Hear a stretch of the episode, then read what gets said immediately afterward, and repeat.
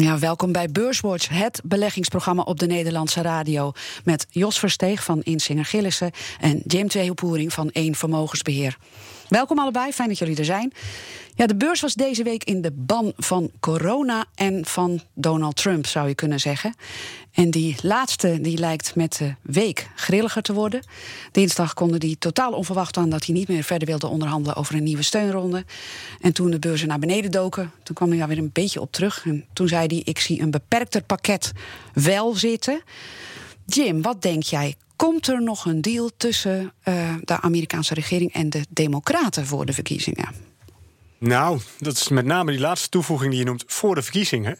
Want de inzet voor uh, Donald Trump is duidelijk niet de deal zelf, maar de verkiezingen. Want hij zei ook heel nadrukkelijk van nou, hè, uh, we kunnen het wel doen, maar dat gaat dan worden na de verkiezingen. Oftewel, stem op Donald.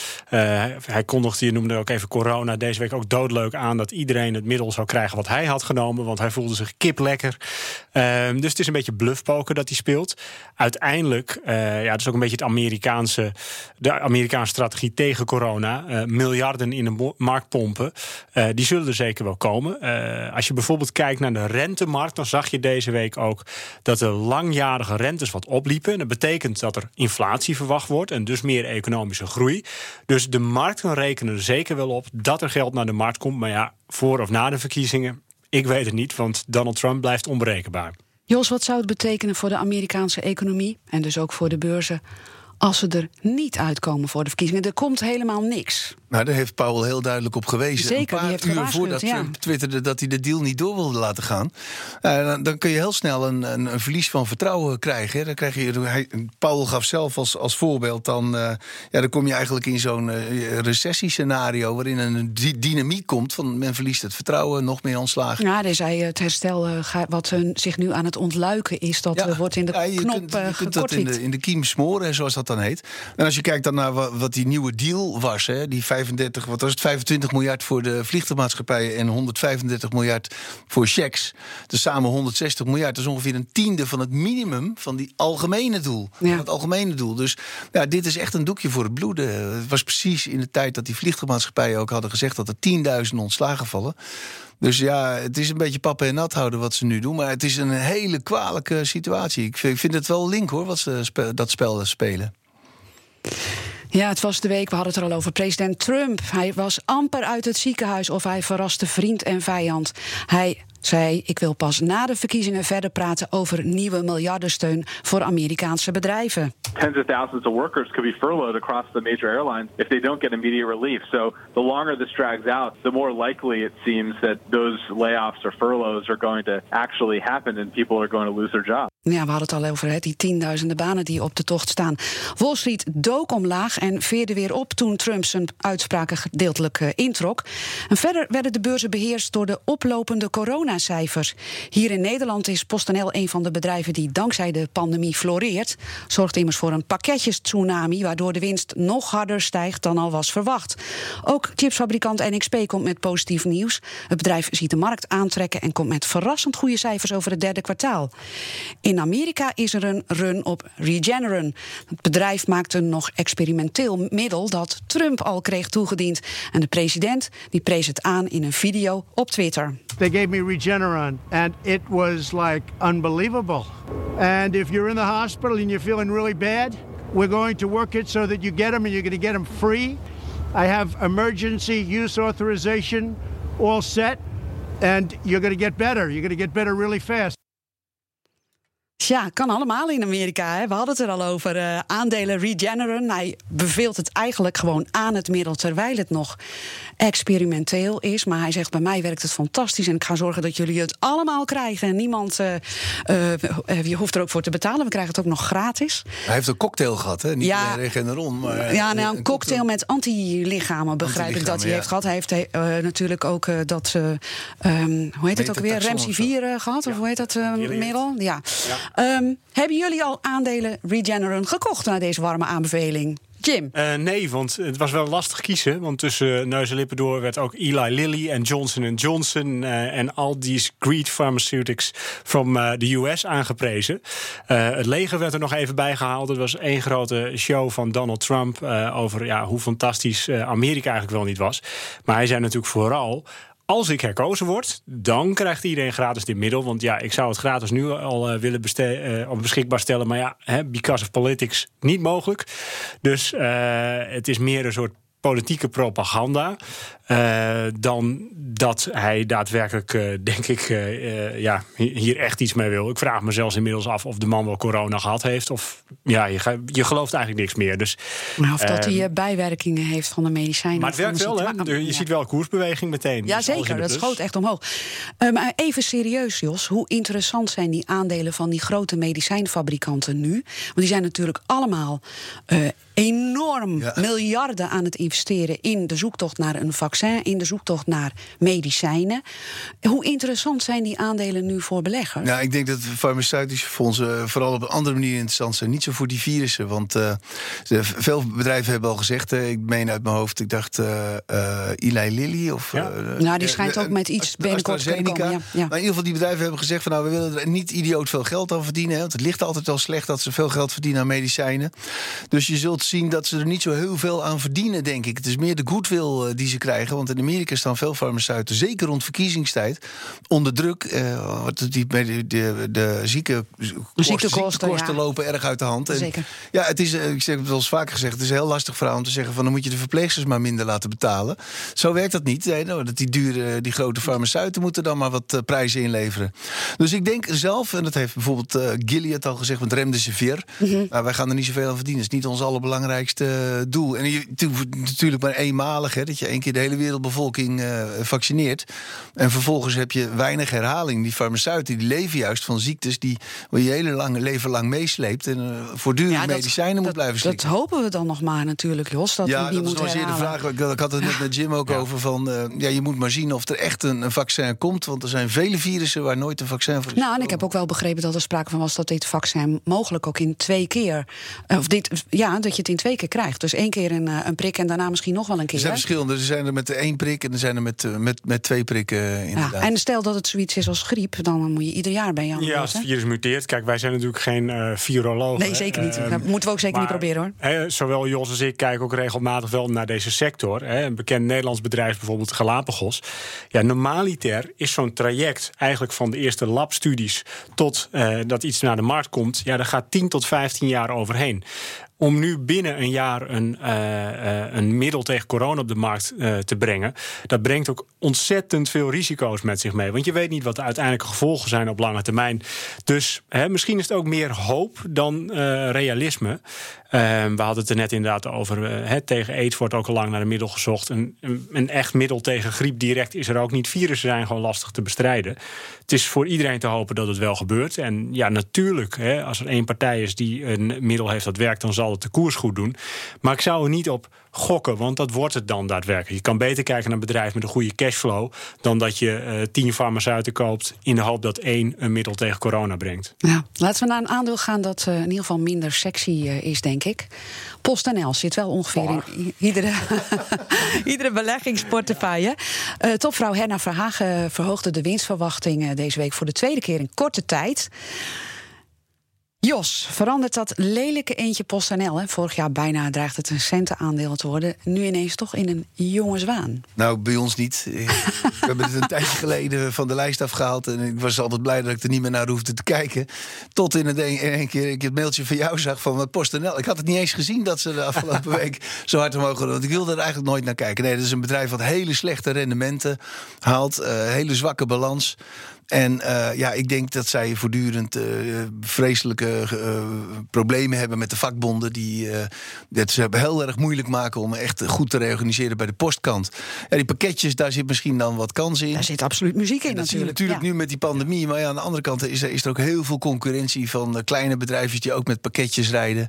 Ik vind het een, een bedrijf waar je echt een hele lange adem voor moet hebben. En ik, ik kijk er niet zoveel meer naar. En, Jim, ben jij ook zo streng voor PostNL? Nou, in het verleden ben ik wel streng geweest, omdat het management veel beloofde wat het niet waarmaakte. Um, Maar met de integratie van Cent, zoals die uh, nu verloopt en wat het kan brengen, hebben ze daadwerkelijk inderdaad wel toch wel een hele pijnlijke concurrent in, uit de postmarkt gehaald. Um, heeft ook echt wel voeten in de aarde gehad. Ik denk ook wel dat ze goede verwachtingen van beleggers neerwaarts hebben uh, bijgesteld. Uh, door vrij negatief te zijn over de vooruitzichten, uh, dividend te schrappen en te zeggen dat het misschien pas weer in 2022 wordt hervat.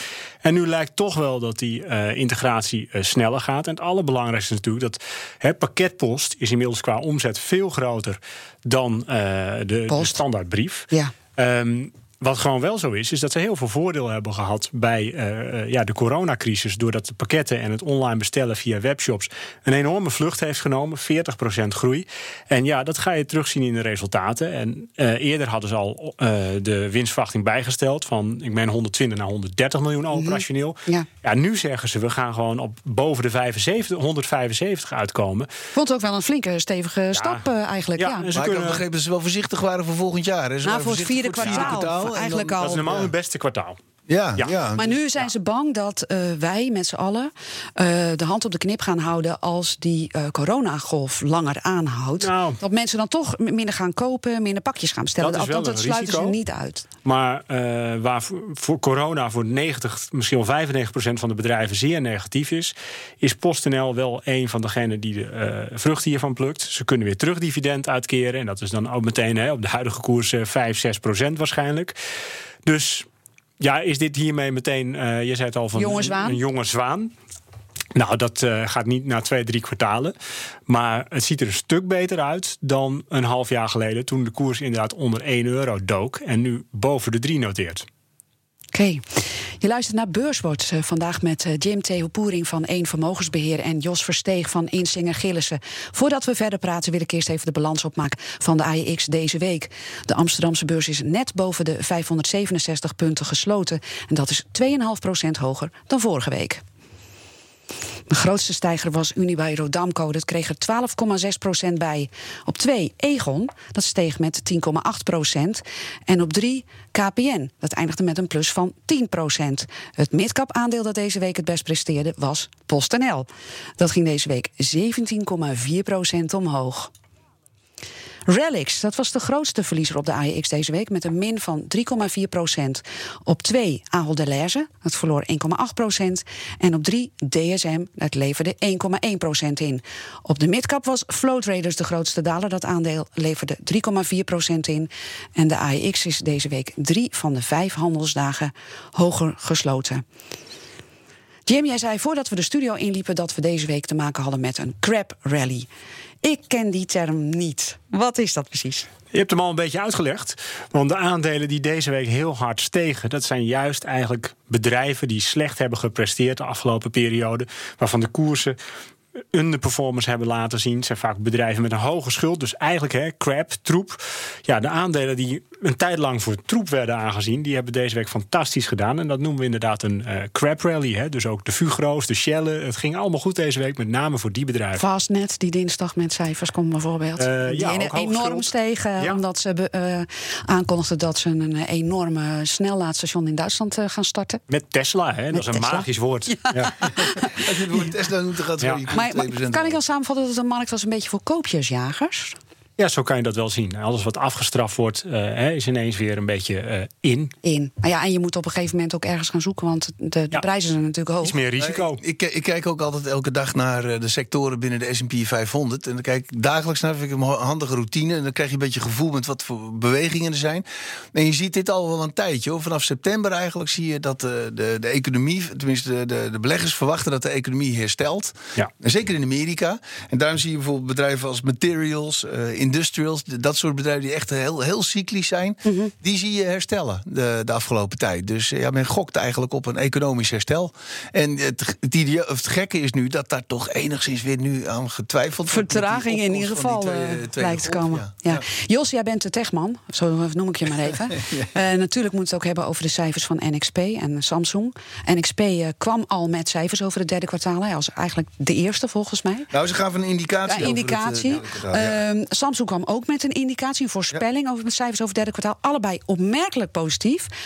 Hoe verklaar je dat, Jos, dat die chipmarkt blijkbaar het zo goed doet? Ondanks het feit, ja, we zitten wereldwijd in een economische crisis. Ja, dat is heel bijzonder, want dat gebeurt normaal niet. Je ziet wel dat die, die, die, die semiconductormarkt, ik kijk altijd naar de jaarcijfers, vanaf januari alweer jaarlijks groeit. Eigenlijk met 5, 6 procent per jaar. Dat is nog niet veel. Normaal gesproken, als je een herstel ziet in die semiconductormarkt, gaat het naar 20, 30 procent groei.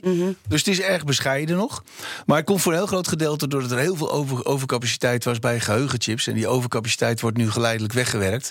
En uh, ja, dat hebben we wel meer, meer cijfers van gezien hoor. Ma uh, Micron, is een geheugenchipproducent. Die kwam met nu niet, niet cijfers, maar die liet wel duidelijk blijken van nou, dat dieptepunt lijkt daar uh, bereikt te zijn. Maar ook zit er een cyclische component in waar ik het net over had. de auto-industrie gaat het uiterst beroerd. Maar chipproducenten zien toch alweer van dat dat geleidelijk gaat aantrekken. Zeker in China, de grootste automarkt op dit moment. En het was niet alleen NXP. Vorige week had ook al ST Microelectronics, heel vergelijkbaar, ge gezegd dat het erg goed ging. Dus uh, ST uh, Micron, NXP en ook Infineon in Duitsland. zijn bedrijven die heel vergelijkbaar zijn. Mm -hmm. En die profiteren daar uh, ook van, van het herstel van die automarkt. Ja. Jim, Samsung die zei ook van dat de kwartaalcijfers over het derde kwartaal eigenlijk verrast goed zullen ja. zijn. Dat komt onder andere doordat ze veel meer mobieltjes verkopen. Ja crisis of niet, mensen bleek, geven daar blijkbaar wel veel geld ja, aan uit absoluut. nog steeds aan telefoontjes. Telefoons, consumentenelektronica, hè, dus uh, de tv's uh, deden het ook goed, tablets. Um, ja, dat is natuurlijk ook misschien wel een gevolg van het uh, thuiszitten, het videobellen, laptops. de vraag daarna is groot. Nou had Samsung ook nog een ander voordeeltje en dat kwam eigenlijk vanuit Trump, want Ja. die deed Huawei in de ban. En ja, Samsung die varen er wel bij, want volgens mij ging hun winst, ik heb mijn aantekeningen thuis laten liggen, zei ik al, maar die ging naar 9 miljard. En dat is gewoon 50% meer winst dan een jaar geleden. En zelfs bij NXP, ja, 25% omzetgroei ten opzichte van een jaar geleden. En ver boven de eerdere guidance. Dus ja, die chipmarkt uh, op basis van deze cijfers uh, heel sterk. Ja, het verhaal was bij Samsung dat Huawei uh, chips aan het hamsteren is... omdat ze ze niet meer in Amerika kunnen ja. kopen. Dus dan ja. hebben ze een lekker voorraadje. En Samsung die wil natuurlijk wel leveren. We blijven even in de wereld van de tech. In Amerika kwam een onderzoekscommissie van het congres... met een snoeihard rapport over de grote techbedrijven. Apple, Amazon, Facebook, Google is de conclusie in dat rapport, misbruiken hun macht. En er moeten dus strengere regels komen.